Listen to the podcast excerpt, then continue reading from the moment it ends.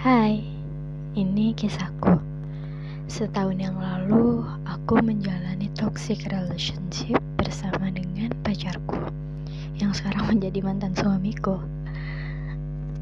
Tahun lalu adalah tahun terberat bagiku. Kalau kalian tahu toxic relationship itu kayak gimana, pasti kalian kayak ah berat banget kayak gitu. Setahun, selama setahun aku penuh air mata. Selama setahun juga fisik aku lemah mentalku down. Terus aku merasa diri aku kayak nggak ada gunanya. Diri aku ya seperti sampah lah. Selama setahun itu juga tapi aku merasa nyaman sama dia.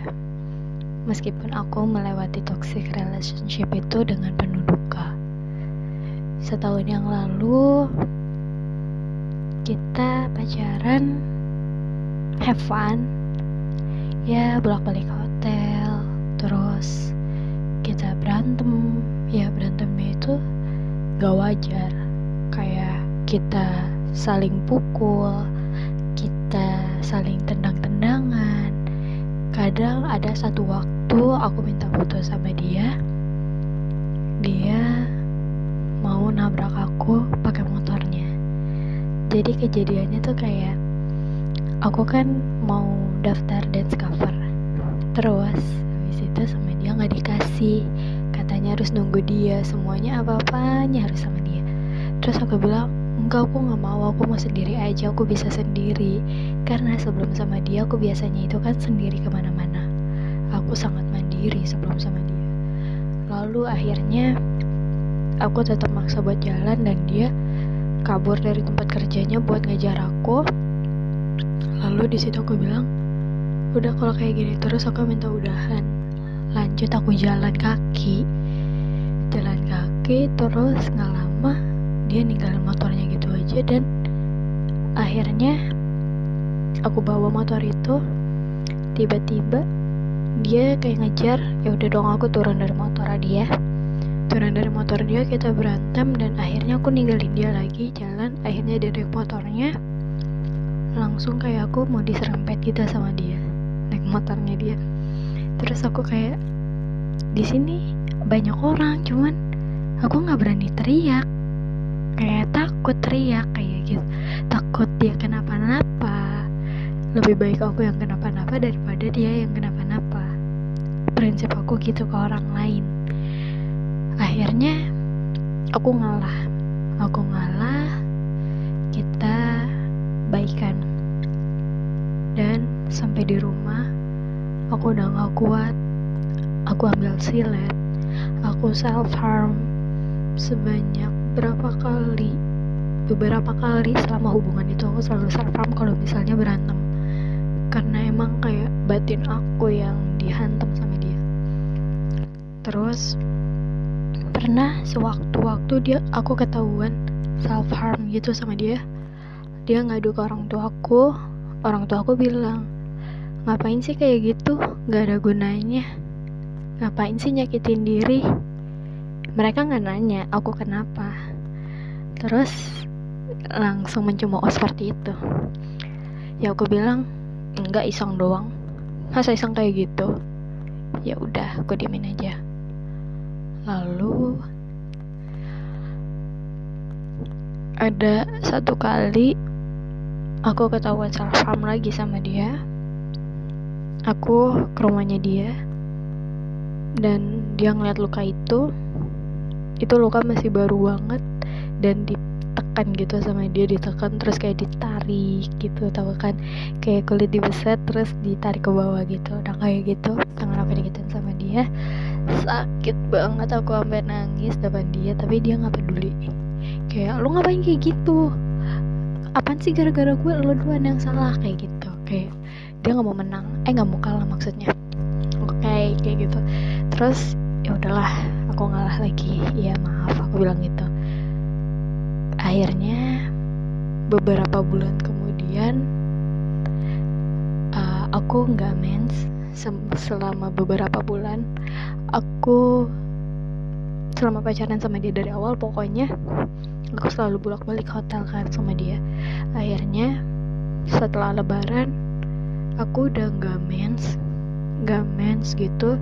Terus kayak keluar kayak ampas tahu dari kemaluanku.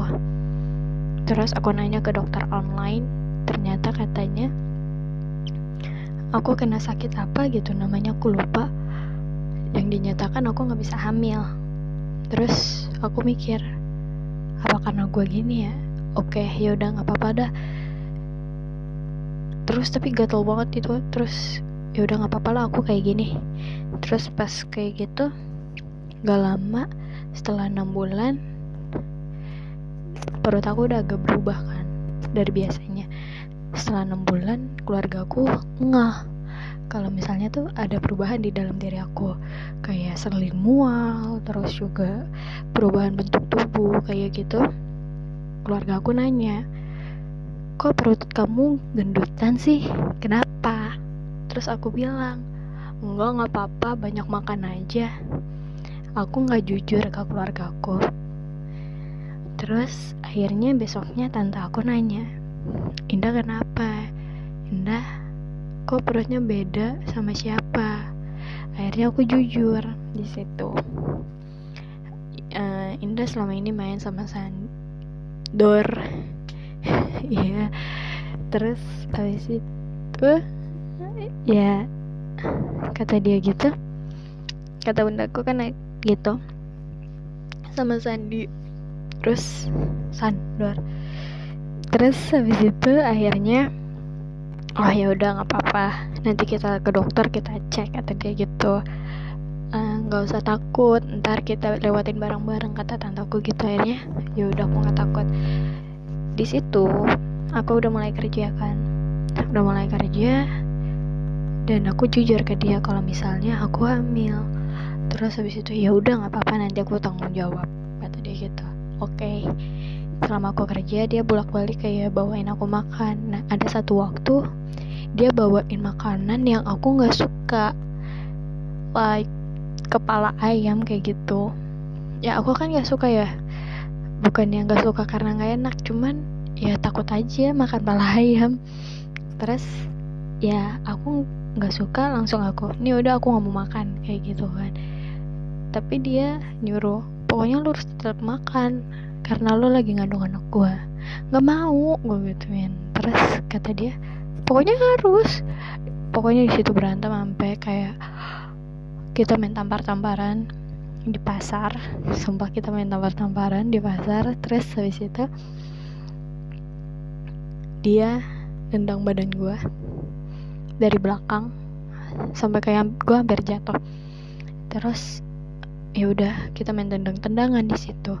Main tendang-tendangan cuma dilihatin doang sama orang pasar dan nggak ada yang berani nolongin gitu loh. Terus akhirnya ditolongin sama teman aku ditolongin sama teman aku akhirnya aku dibawalah ke toko. Dibawa ke toko ya udah aku disuruh tenangin dan akhirnya ya besokannya keluarga aku tahu aku uh, suami aku kayak gitu akhirnya ditanya kamu beneran serius nggak mau nikah sama dia? Dia orangnya kayak gini-gini gitu. Terus aku bilang iya serius. Karena aku emang kayak kesian anak mikirnya kayak kesian anak ini kalau misalnya nantinya nggak punya ayah kayak gitu kan.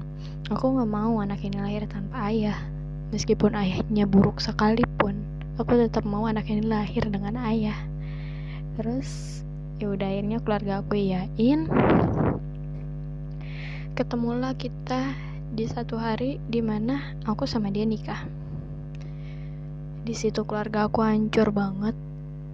Kayak pada sedih ninggalin ngelepasin aku dengan lelaki yang emang apa ya yang ya bisa dibilang gak bertanggung jawab lah sama aku. Keluarga aku udah tahu. Terus ya mau gimana lagi aku hamilnya tuh sama dia bukan sama yang lain. Ya mungkin aku hamil sama dia nikah sama yang lain yang lebih baik dari dia. Ya akhirnya kita menikah dan memilih untuk ngekos di depan rumah dia. Selama kita ngekos ya berjalan baik lah karena cuman kita berdua doang kan. Berjalan baik tapi ada kadang satu waktu kayak apa ya aku ngebangkang dia kayak nggak mau ah nggak mau makan nggak mau mandi nggak mau ini nggak mau itu. Ya namanya cewek lagi hamil ya maunya diperhatiin kan. Terus ternyata uh, dia nggak. Pokoknya lo harus tetap makan. Kalau enggak ya gue seret. Ya dia langsung nyeret aku gitu loh. Dari kasur aku dibangunin terus ditarik. Terus ya pala aku dijedotin ke tembok. Terus aku ditonjok dan ya kita main pukul-pukulan lagi. Lalu ya udah aku nggak pernah bilang ke orang tua misalnya kita ribut. Dan dia juga nggak pernah bilang. Tapi akhirnya keluarga kita tahu sendiri. Terus abis itu kita baikan lagi. Sampai akhirnya aku melahirkan dia baik.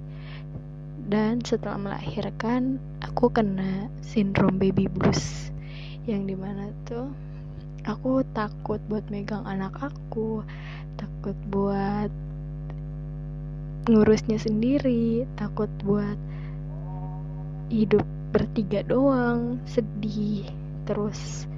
Pokoknya aku mewek terus setelah, setelah, setelah melahirkan tuh aku mewek terus. Dan di situ suamiku menghantam mental aku dia bilang kalau misalnya kamu kayak gini terus kita pisah aja. Masa nggak mau nerima keadaan sih? Gitu kan. Terus ya akhirnya aku bilang aku belum siap buat begitu buat punya keluarga. Aku masih butuh keluarga aku buat ngurusin anak kita. Aku masih butuh keluarga aku buat diri kita. Gak mungkin kita pisah dari keluarga aku bilang gitu tapi dia tetap kekeh gak mau. Dia maunya pisah. Dan ya aku tarutin dia lagi. Tapi dia gak bertanggung jawab ke aku. Dia ya kasar lagi. Terus gak nafkahin aku sama sekali. Dan ya akhirnya aku sampai di mana aku lelah sama dia. Dan akhirnya aku memutuskan untuk pisah sama dia. Aku pisah sama dia dan akhirnya ya udah aku ngurus anak aku sendiri. Sebenarnya apa ya ngurus anak sendiri itu nggak gampang sumpah. Apalagi di usia aku yang masih 19 tahun ini kan nggak gampang banget. Kayak lo harus mikul beban lo sendiri. Lo harus jaga anak sendiri. Mental lo harus kuat di hadapan keluarga lingkungan sosial kayak gitu. Terus juga saat lo lagi kangen banget sama suami lo nggak bisa meluk dia. Dan ya gue ngejalanin itu selama beberapa bulan terakhir ini. Dan ya gue ngerasa kayak gue harus kuat masa di depan mereka gue kuat di belakang mereka gue cengeng? Enggak itu bukan diri gue. Pokoknya gue harus kuat kayak gitu. Buat kalian yang lagi di toxic relationship saran gue ya lebih baik kalian lepasin sebelum terlambat. Kalian gak perlu takut kalian gak laku kalian gak perlu takut sama ancaman-ancaman dari mereka kalian gak usah takut. Pokoknya kalian tuh lakuin yang terbaik. Kalian keluar dari zona toxic relationship itu udah paling terbaik. Jangan sampai kalian ngalamin sama apa yang aku alamin. Kalian ngalamin dijauhin oleh lingkungan sosial. Kayak gitu jangan sampai. Pokoknya kita sayang aku sayang sama kalian. Kalian kalau misalnya kalian udah pernah maaf having sex sama teman kalian? Eh teman kalian maksudnya pacar kalian dan sama orang toksik itu. Kalian gak usah takut. Ada orang yang nerima kalian apa adanya kalian gak usah takut. Gak bakalan laku. Gak usah takut. Pokoknya banyak yang sayang sama kalian. Tapi kalau misalnya kalian udah punya pacar setelah toks orang toksik itu kalian jangan langsung bilang aku habis ngelakuin ini sama mantan aku. Jangan bilang kayak gitu. Takutnya orang itu yang bakalan ngelakuin hal itu juga sama kayak sama kayak mantan kalian. Jadi kalian pacaran sama orang baru dan having sex sama orang kedua. Kayak gitu. Jangan sampai dan ya setelah having sex orang itu bakalan jadi toxic juga kayak gitu. Jangan sampai pokoknya karena sakit banget sih pacaran sama orang toxic. Dan saran aku kalau misalnya kalian masih kecil kalian udahlah stop pacaran dulu sumpah. Kalian punya mimpi. Kalian harus wujudin mimpi kalian dulu. Kalau kalian belum punya mimpi dan kalian bingung mau ngapain please gunain tiktok kalian atau sosial media kalian yang lain buat nyari barang-barang gratisan untuk di endorse ada di aplikasi-aplikasi tertentu. Nanti kalau mau cek aja di tiktok aku di dia Indah Kusuma pakai hak uh, eh, di situ aku uh, apa namanya promosiin tentang produk-produk yang eh maksudnya aplikasi-aplikasi untuk produk gratis untuk di endorse kayak di survei gitu. Dan kalau kalian bingung mau ngapain lagi kalian punya TikTok. Kalian punya kemampuan apa? Dance TikTok. Pakai buat ya kreasiin diri kalian kreasiin hidup kalian. Kalian senang-senang dengan aplikasi itu. Kalian senang-senang sama diri kalian sendiri. Kalian punya teman hangout lah sebelum teman-teman kalian menikah dan punya anak. Karena bakalan susah. Serius kalian bakalan susah ngumpul karena salah satu teman kalian tuh udah ada yang punya anak dan sudah menikah pastinya. Dan ya nikmatin masa muda kalian sama teman-teman kalian. Se-having fun kalian bisa jalan tempat Jakarta banyak yang seru asik nyenengin diri kalian. Pokoknya kalian senengin diri kalian dulu baru orang lain. Oke? Okay? dan juga buat kalian yang insecure karena takut nggak dapat pacar please don't do this. Kalian gapai mimpi kalian orang bakalan sayang sama kalian orang bakalan nyari kalian kalian bakalan punya banyak temen dan sukses. Love you. Salam dari aku. Next kalian kalau misalnya mau ikut podcast aku bisa DM aja di Instagram aku di indahnya senyumanismu no space atau ya paling gampangnya carinya lele aja bisa jadi kalian bilang DM ke aku kak aku punya cerita gini gini gini ceritain ke aku dan ya aku bisa mungkin taruh di podcast ini atau undang kalian ke podcast aku oke okay? thank you See you. Sampai jumpa minggu depan ya. Semangat. I love you.